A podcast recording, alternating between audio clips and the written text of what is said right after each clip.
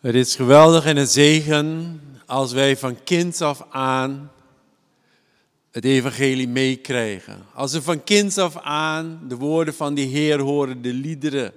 Als we van kinds af aan de gebeden over ons horen uitgesproken worden. En ik denk dat het eigenlijk de belangrijkste bijeenkomst is.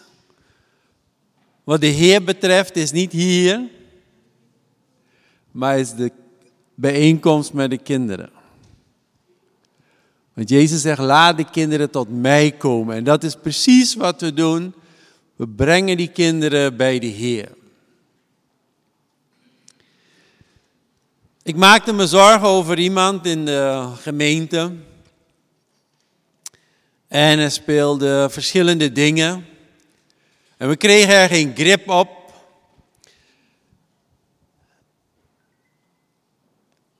En afgelopen week werd ik door haar gebeld. Want we zijn in deze week vannacht begonnen met een week van gebed, acht dagen, 24 uur. En hij is helemaal vol. En we hebben hem nu opengesteld dat er meerdere mensen kunnen bidden. En ja, het verhaal rondom onze bidstond van acht dagen. Een andere gemeente in Utrecht heeft het overgenomen. Een gemeente in Den Haag heeft het overgenomen.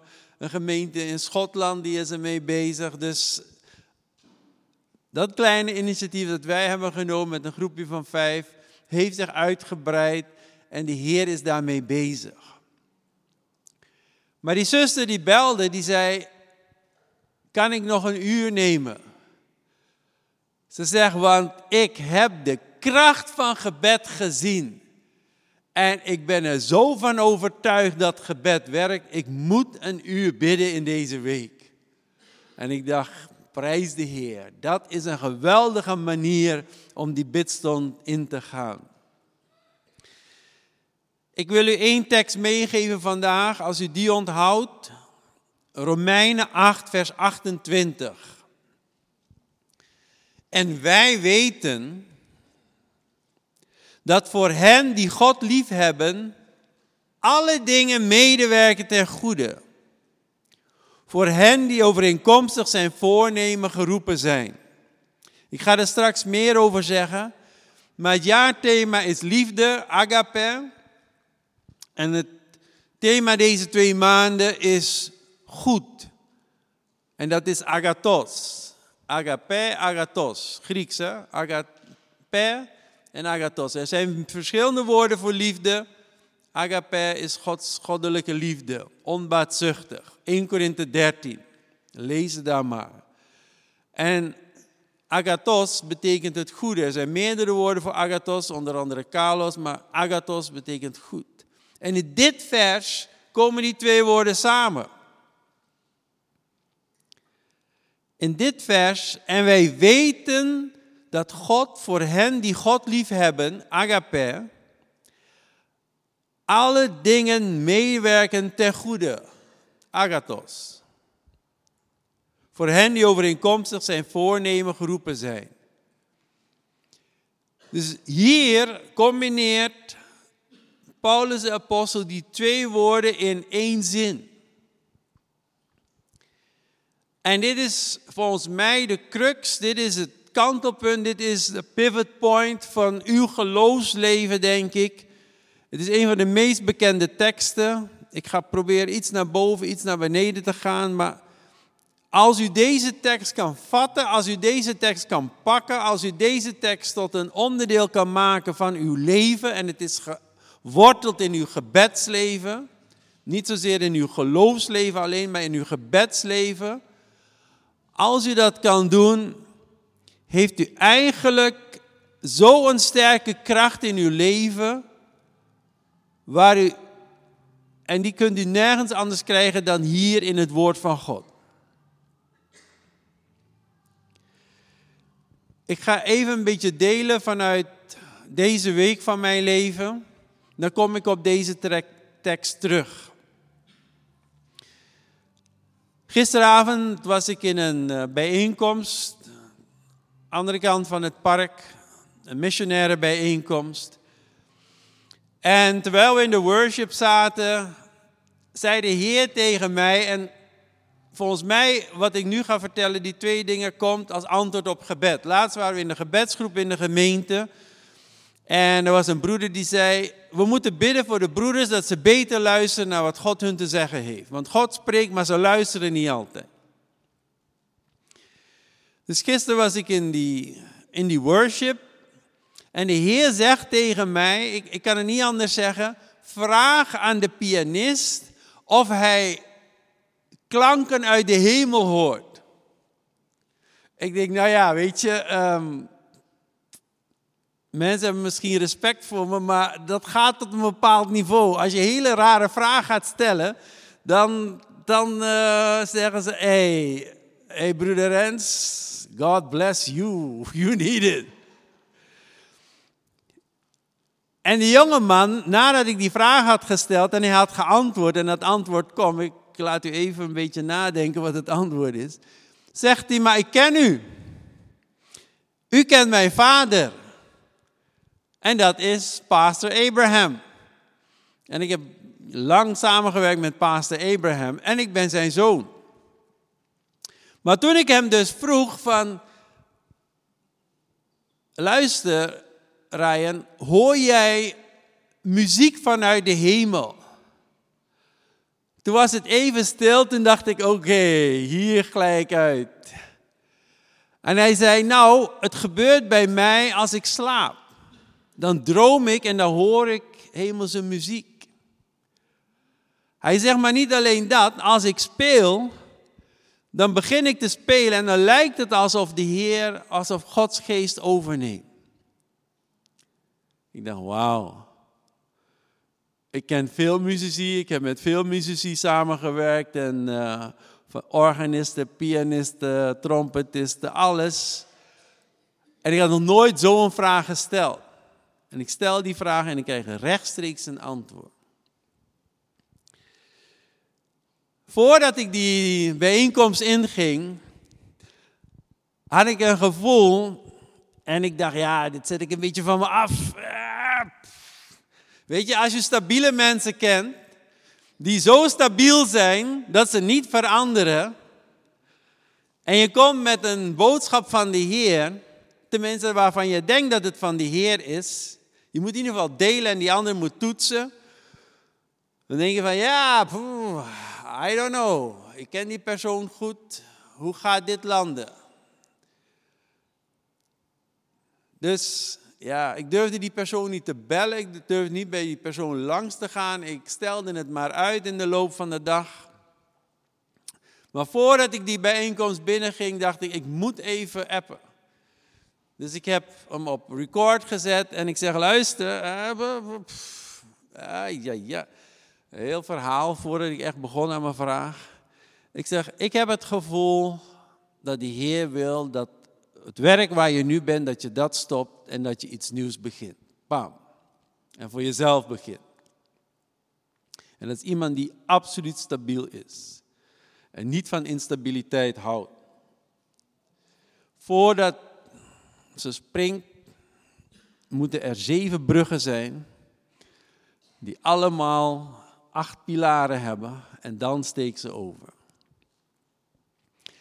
En na de dienst na het bijeen zijn ging ik naar mijn apps kijken en die zegt, wauw, dit klopt met waar ik mee bezig ben.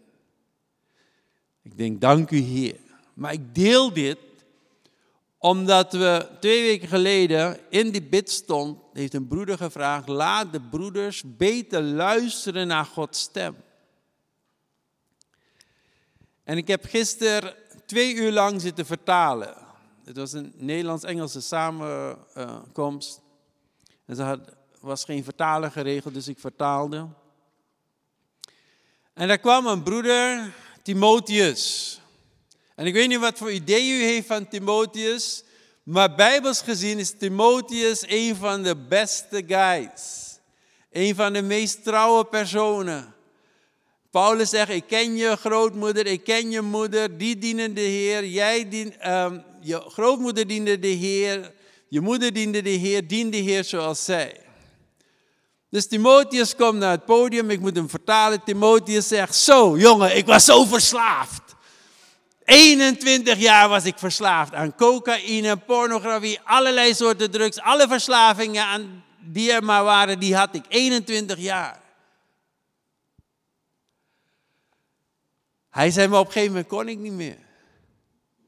Hij zegt, ik ben in mijn kamer op mijn knieën gegaan. En ik heb gezegd, Heer, van nu af aan geef ik mijn leven aan u. En hij zegt, daarna briep, viel ik neer en ik was twee dagen was ik oud. Ik ben twee dagen van mijn leven kwijt nadat ik mijn leven aan de Heer heb gegeven. Hij was 21 jaar kwijt. Even, even let, let even op. Hij was 21 jaar kwijt aan allerlei verslavingen. En hij was twee dagen kwijt aan de Heer. En hij zegt, misschien zal de omgeving denken, wow, he was really spaced out, of hij was in coma, of whatever. Hij zegt, maar terwijl ik daar lag, was ik in de hemel. 21 jaar lang is weg. Een stommiteit.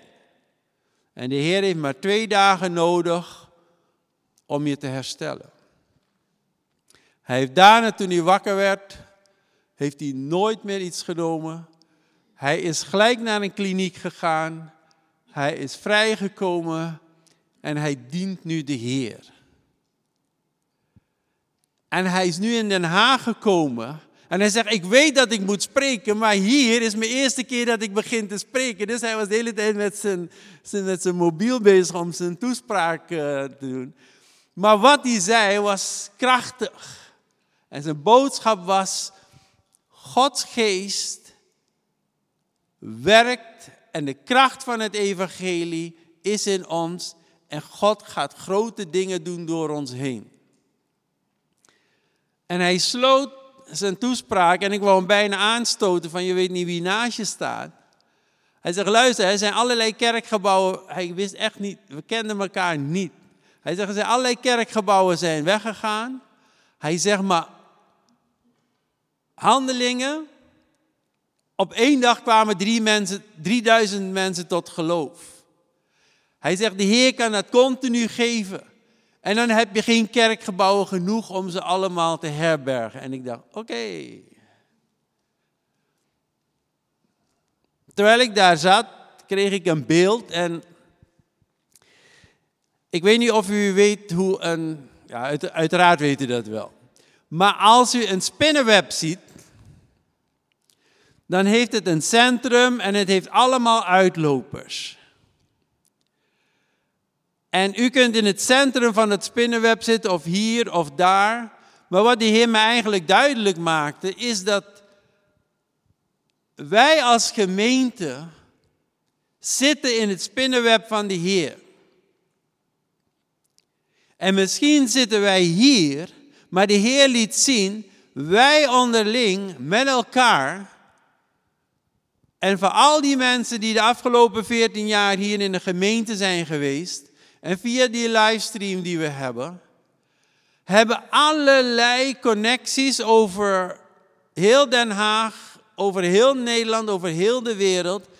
En er is een spinnenweb geweven door de Heer, dwars door gemeente Emmanuel heen. Ik ga even naar de week toe, dan heeft u een beetje een idee van wat ik meemaak. Ik weet niet wat u meemaakt, maar ik weet dat de Heer u geweldig veel connecties heeft gegeven met christenen. Maar ik zat net nog even te appen naar een voorganger die ik hier in Den Haag heb ontmoet, die uit Afrika komt, van de RCCG Church, die naar het Midden-Oosten is gegaan met, als methodistenvoorganger en die nu een zendingswerk is begonnen in Schotland. In the drug capital of, the, of Europe. En ik appte hem, want hij begint nu of over een uurtje met een nieuwe gemeente. Hij en zijn gezin, that's it. Ze hebben niet meer. En de Heer heeft hem gestuurd vanuit Afrika, via het Midden-Oosten, naar Schotland. Ik probeerde hem naar Nederland te halen, maar het lukte niet. Naar Schotland om daar te beginnen. En ik stuurde hem een foto van vandaag. En ik stuurde hem de livestream. En ik zeg, luister, wij zijn heel klein begonnen. Maar bepaalde diensten, als we dat narekenen, zijn er wel duizend mensen die kijken en luisteren en bezig zijn. Dat is vanochtend. Gisteren was ik dus in de meeting van Everyone.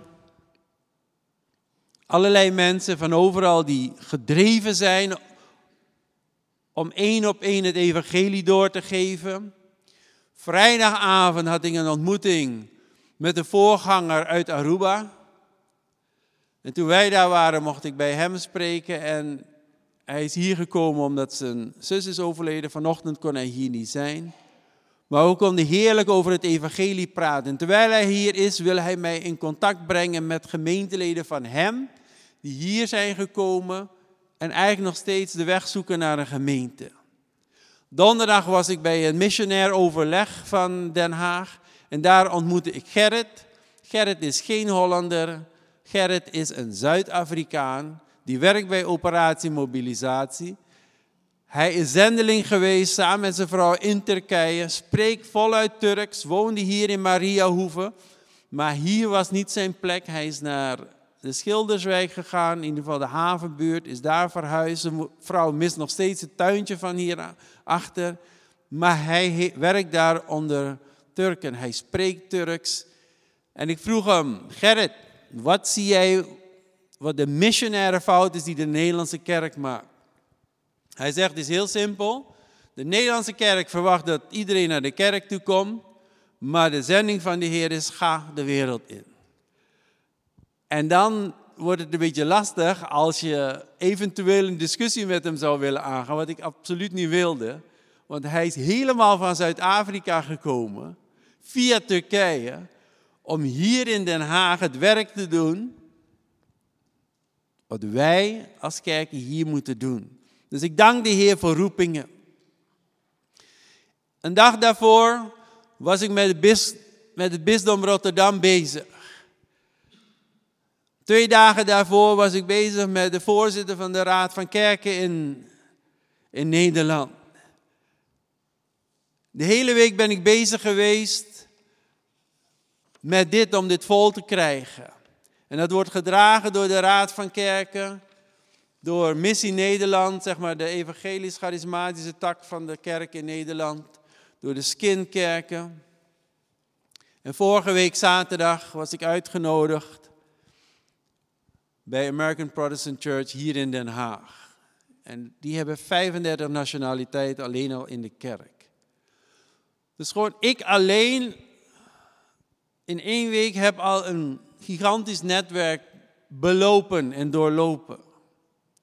En ik weet gewoon van jullie dat jullie ook gigantische netwerken hebben. Ik ga straks deze preek eindigen met een kleine kleine opdracht. Want voor deze week van gebed hebben we als commissie ook nog vijf gebedspunten erbij genomen. En gebedspunt nummer één voor vandaag, dus acht keer vijf zijn aardig wat gebedspunten. Gebedspunt nummer één voor vandaag, bij naam bidden voor christenen die wij persoonlijk kennen. Ik kan bidden voor Gerrit, ik kan bidden voor Geert, ik kan bidden voor Segundo, die dus nu zo direct begint met een gemeente. Maar u kunt het ook doen. Mensen die christen zijn, voor wie u gaat bidden. Nu kom ik terug naar Romeinen 8, vers 28. En ik wil even naar boven, naar vers 26. Eigenlijk moet het nog veel verder naar boven. Maar vers 26 zegt, en evenzo komt ook de geest onze zwakheden te hulp. Als u uw zwakheden tegenkomt, in uw eigen leven, prima, uitstekend. Zolang u niet gedeprimeerd raakt. Gisteren sprak ik met iemand en die sprak negatief over zichzelf. Ik zeg, moet je niet doen. Moet je niet doen. Zo ben je niet. Mensen zien je wel staan, mensen houden wel van je. You are getting noticed. We hebben zwakheden, maar die zwakheden moeten ons niet te neerdrukken. Die zwakheden moeten ons opheffen. Want onze zwakheden, de Heer laat ons, kijk, mensen laten ons in de steek als ze onze zwakheden zien. Dan denken ze, nee, met die moet je niet omgaan. Die heeft geen geld. Met die moet je niet omgaan, die heeft geen manieren. Met die moet je niet omgaan, die heeft geen contacten. Met die moet je niet omgaan, die heeft geen skills. En God kijkt heel anders naar mensen. God denkt, ik hou van die persoon die niets heeft. Ik hou van die persoon die niets kan. Ik hou van die persoon die niets is. Ik hou van die persoon en ik wil die persoon laten zien dat ik hem of haar gemaakt heb naar mijn beeld. Alleen moet die persoon de toestemming geven aan Gods geest om herschapen te worden naar Gods beeld. En daarin komt de geest onze zwakheden te hulp. De Heer ziet uw zwakheid en denkt niet, ach, waardeloos. De Heer ziet uw zwakheid en denkt, oké, kom op, kom op, kom op, kom op. Ga nu met de geest aan het werk. En als u met uw zwakheden met de geest aan het werk gaat, ik zeg niet dat u twee dagen in coma ligt. Want als je 21 jaar lang geconfronteerd wordt met je eigen zwakheid, en je dan pas, duurt een beetje lang, sommigen van ons zijn 40 jaar, 50 jaar, ik weet niet, soms 10 jaar, soms één dag, en je dan pas op je knieën valt, doe het ietsje sneller nog. Want God houdt van u. Hij komt uw zwakheid te hulp. Want wij weten niet wat wij bidden zullen zoals het behoort. Ik wil u uitdagen om, ik weet niet of we het straks gaan doen, maar dat maakt me niet zo uit, om wat u niet kan verwoorden in gebed. Wij denken dat gebed is, ik babbel en zeg een paar zinnetjes naar God toe. Maar weet u wat fantastisch is? Als mensen een hele goede samenwerking hebben in de sport, in het huwelijk, in het bedrijfsleven, het maakt me niet uit. Dan kunnen mensen op bepaalde momenten naar elkaar kijken. Ze weten precies wat die ander denkt en ze kunnen verder gaan. Ze kunnen daarop reageren, gewoon blindelings. Ik heb het een paar keer gehad, blindelings konden broeder Sonny Parker en ik elkaar vinden. Blindelings. We hoefden niks te zeggen. We wisten eigenlijk al wat die ander zou denken en hoe we moesten handelen. En God is, ja, God kent niet alleen uw zwakheden, Hij kent uw sterkheden, Hij kent u door en door. Dus de psalmist zegt, God kent de wensen van ons hart. Ik heb vanochtend gebeden, ik zeg, Heer, er zijn mensen met wensen in hun hart hier in de gemeente, die ze niet delen met familie, die ze niet delen met vrienden, die ze niet delen met wie dan ook. Met hun kinderen niet, met hun ouders niet. Zelfs misschien niet met hun man of vrouw. Nu komt bij me op dat zelfs niet durven toegeven aan zichzelf dat ze die wensen en verlangens hebben. Maar Heer, u vervult ze. Dus God ziet uw hart. God ziet wat niet is uitgesproken, zowel de zwakheden, de pijn, als de goede dingen, als de wensen. En die psalmist zegt, God vervult het. Daar heb ik voor gebeden vanochtend dat God die wensen van uw hart vervult. Wij weten niet wat wij bidden zullen naar het zoals het behoort. We hebben soms een verlangen in ons, we kunnen het niet uiten, we weten dat we God nodig hebben. Maar de geest zelf echter pleit voor ons met onuitsprekelijke verzuchtingen. Ik ben vannacht begonnen met gebed en opeens, ik weet niet, aan de ene kant als je bidt, de ene keer sta je, ja, sorry als je misschien denkt van, ene keer sta je te rennen, te springen, te lopen. Andere keer zit je, andere keer ga je op je knieën. Gisteren, ik zat, ik ging op mijn knieën en uiteindelijk ben ik gaan liggen. Er is zo'n last op je, dat je die last niet kan dragen en je brengt het voor de Heer en je zegt tegen de Heer, en je kan het niet uiten, maar God ziet je hart, God ziet je geest, God spreekt. En ik ben daar niet bezig, maar Gods geest is bezig. Dus als er iets met u gebeurt, deze week tijdens het bidden, laat Gods geest de ruimte. Sommige mensen denken dat het hier gaat over het spreken in tongen. Heb ik helemaal niks op tegen. Als je die gave hebt, gebruik het. Maar ik denk dat het hier veel dieper gaat. Dat u in gebed bent en op zo'n niveau met de Heer, dat het gewoon één op één, u kunt het niet verwoorden. Als iemand naast u zou staan, zou die het niet kunnen begrijpen. Het is u en Gods geest. En hij die de harten doorzoekt, God doorzoekt uw hart. Hij weet wat het denken van de geest is, omdat hij naar de wil van God voor de heilige pleit. Dus u heeft iets nodig, u heeft zwakheden, u gaat in gebed, u kunt het niet verwoorden, maar Gods geest komt u te hulp. Gods geest verwoordt het naar de troon. Gods geest is met u bezig. En dan staat er, en wij weten dat voor hen die God lief hebben, alle dingen medewerken ten goede. Agape, agathos. Vanuit dat gebed, vanuit dat weten, God houdt van ons. En als ik van de Heer houd, is de Heer, heeft die vrijheid in mijn leven om te werken. En het mooiste vind ik dat dit, dit vers gaat uw verstand en uw gebed te boven. Hoe kan God alles, ook 21 jaar verslaving, doen medewerken ten goede in mijn leven, wat ik bewust fout heb gedaan? Want die jonge man heette Timotheus. Hij werd grootgebracht met het woord van God, maar hij wees de Heer af. Hij had geen zin in de Heer. Hij wilde zijn eigen weg gaan, raakte verstrikt in het web van demonen en Satan. Ik noem het maar even zo. Het web van substanties, het web van goederen, het web van whatever. En hij kwam er niet meer uit. En men bleef voor hem bidden, men bleef voor hem bidden. En gisteren getuigde hij. En mensen zaten daar, hè. Ik dank u dat u al die jaren voor mij hebt gebeden, want ik weet dat wat God heeft gedaan antwoord was op uw gebed.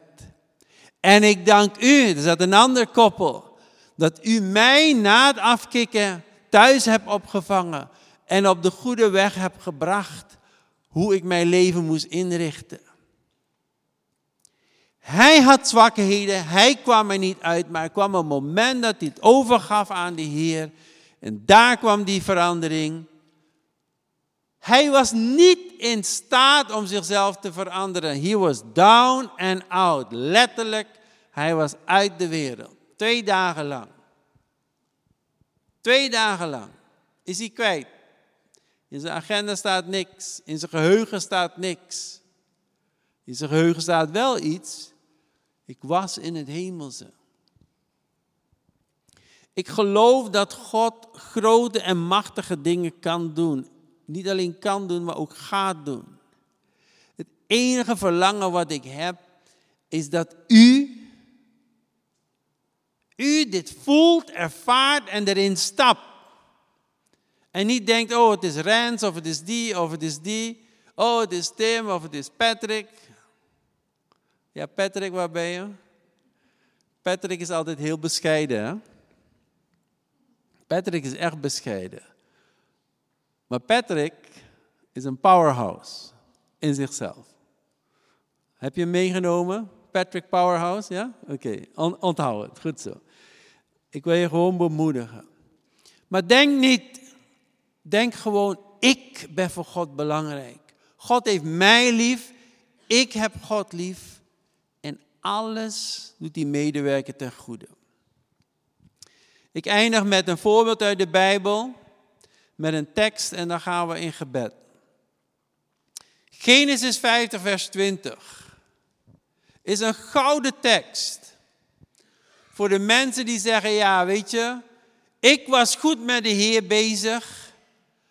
Ik was 100% met de Heer bezig. Ik kreeg visioenen van de Heer. En anderen hebben mij in de put gegooid. Anderen hebben mij neergeslagen. Anderen, zelfs mijn broeders, hebben mij onderuit gehaald. Jozef ziet zijn broeders, hij is nu onderkoning. De broers zeggen van luister, vergeef ons voor wat we hebben gedaan. Je in de put gegooid. Eigenlijk wilden ze hem doden, maar de oudste Ruben zei, dat doe maar niet. Verkocht. Nou, de rest kent u. 13 jaar lang ellende in zijn leven. Dwars door dat alles heen bleef hij trouw aan de Heer. Bleef God trouw aan hem.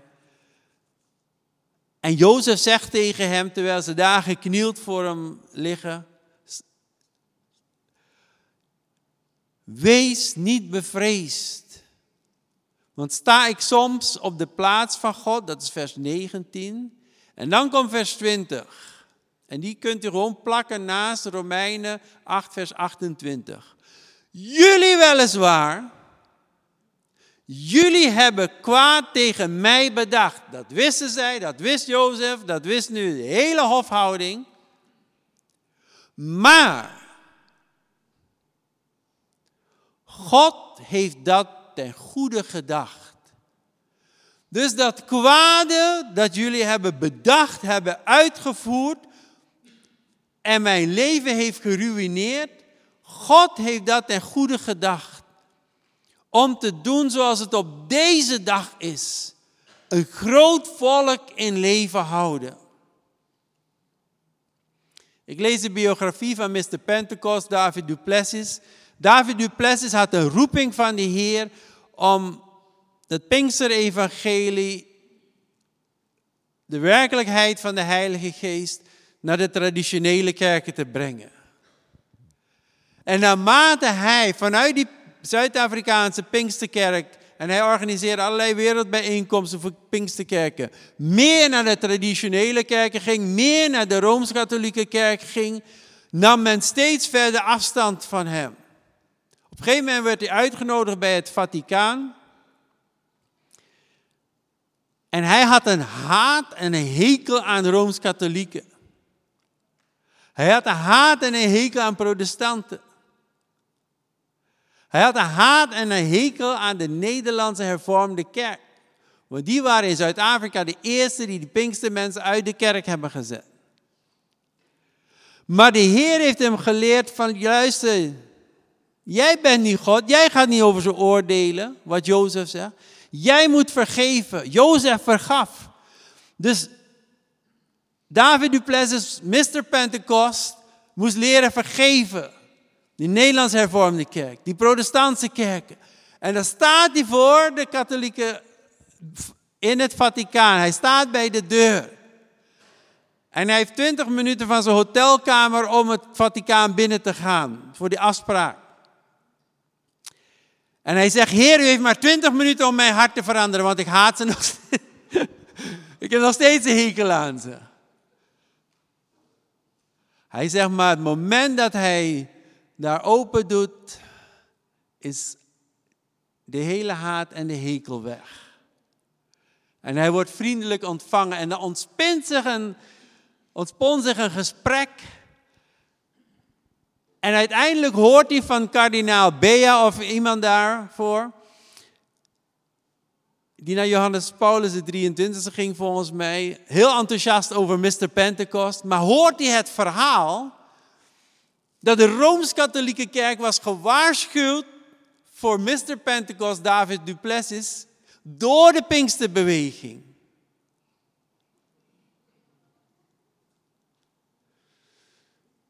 En ze hadden hem alle kerkelijke bevoegdheden ontnomen. De Assemblies of God in Amerika, waar hij woonde en waar hij diende, had gezegd: Je mag niet meer preken in onze kerk. Alles was hem ontnomen, omdat hij die boodschap van de Heer, die taak van de Heer ging vervullen naar die protestantse kerk toe, naar die katholieke kerk. En toen kwam het. En toen werd gezegd, wij zochten iemand als Rooms-Katholieke Kerk in de jaren 60, die ons kon vertellen over de Pinksterbeweging, over de Pinksterkerk. En toen hij bij die man, die priester, de kamer binnenliep, Heel zijn kamer, oh, ik had daar graag een foto van gehad, was gevuld met boeken over de Pinksterkerk. Waar je keek, allemaal boeken die open lagen. En die priester zei, weet u waarom u hier bent? Want we zijn tegen u gewaarschuwd. Maar er werd ook gezegd, er is maar één persoon die bereid is met jullie te praten. En dat is David Duplessis. En voordat wij met je wilden praten, gingen we kijken, is er geen belemmering? Dat als wij met David Duplessis praten, als we met hem praten, dat we in problemen komen met deze of gene kerk, met die grote kerken, kleine kerken, we willen geen problemen. Maar omdat iedereen u had afgeschreven, was u helemaal vrij. Dus we dachten, nou, het kan geen kwaad. Dus dat, wat zijn Pinksterbroeders ten kwade hadden bedoeld voor hem, heeft God gebruikt ten goede. En hij is van geweldige invloed geweest. En daar in het Vaticaan kreeg hij de bijnaam Mr. Pentecost. Op een gegeven moment zegt Jezus, weet je, de hemelse Vader wil u goede gaven geven.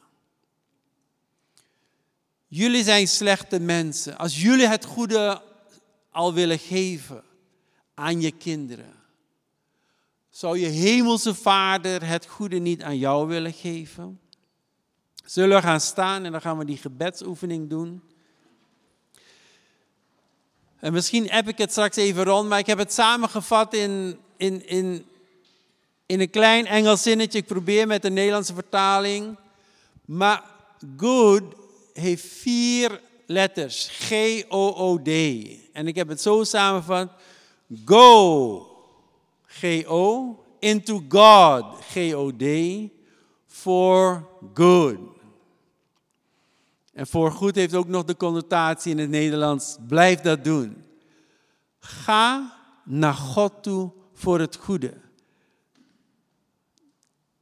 In Nederlands, ga in gebed met God. En ik wil u uitnodigen om niet aan uzelf te denken. Ik wil u uitnodigen om te denken aan christenen om u heen. Zowel degene waar u van houdt als waar u een hekel aan hebt. Zowel degene waarvan u zegt, die zijn fantastisch, als degene die u hebt afgeschreven. En u heeft een paar afgeschreven christenen in uw bureau, laat daar ergens liggen.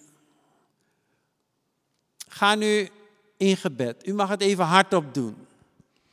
En niemand weet wiens naam het is. Niemand weet of ze de goede of de afgeschrevenen zijn. Laten we in gebed gaan. Eén minuut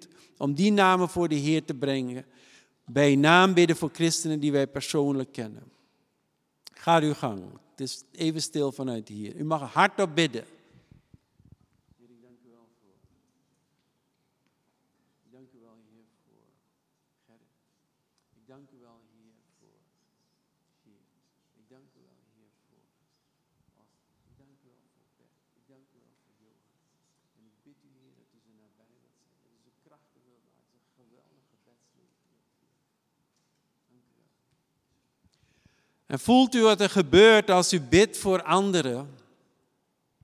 Er ontstaat een nieuwe connectie tussen u en die persoon. Er staat een nieuwe connectie in het hemelse.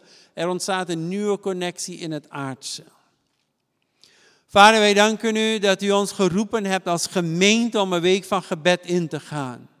En of we ons nou hebben opgegeven of niet, wij gaan deze week in gebed. Als we wakker zijn, als we lopen, als we liggen, als we staan, als we lezen, als we onderweg zijn. We gaan alleen in gebed met anderen. We gaan kort in gebed, we gaan lang in gebed. Maar we gaan naar u in gebed. Samen met u. Heilige Geest, verlicht ons gebedsleven.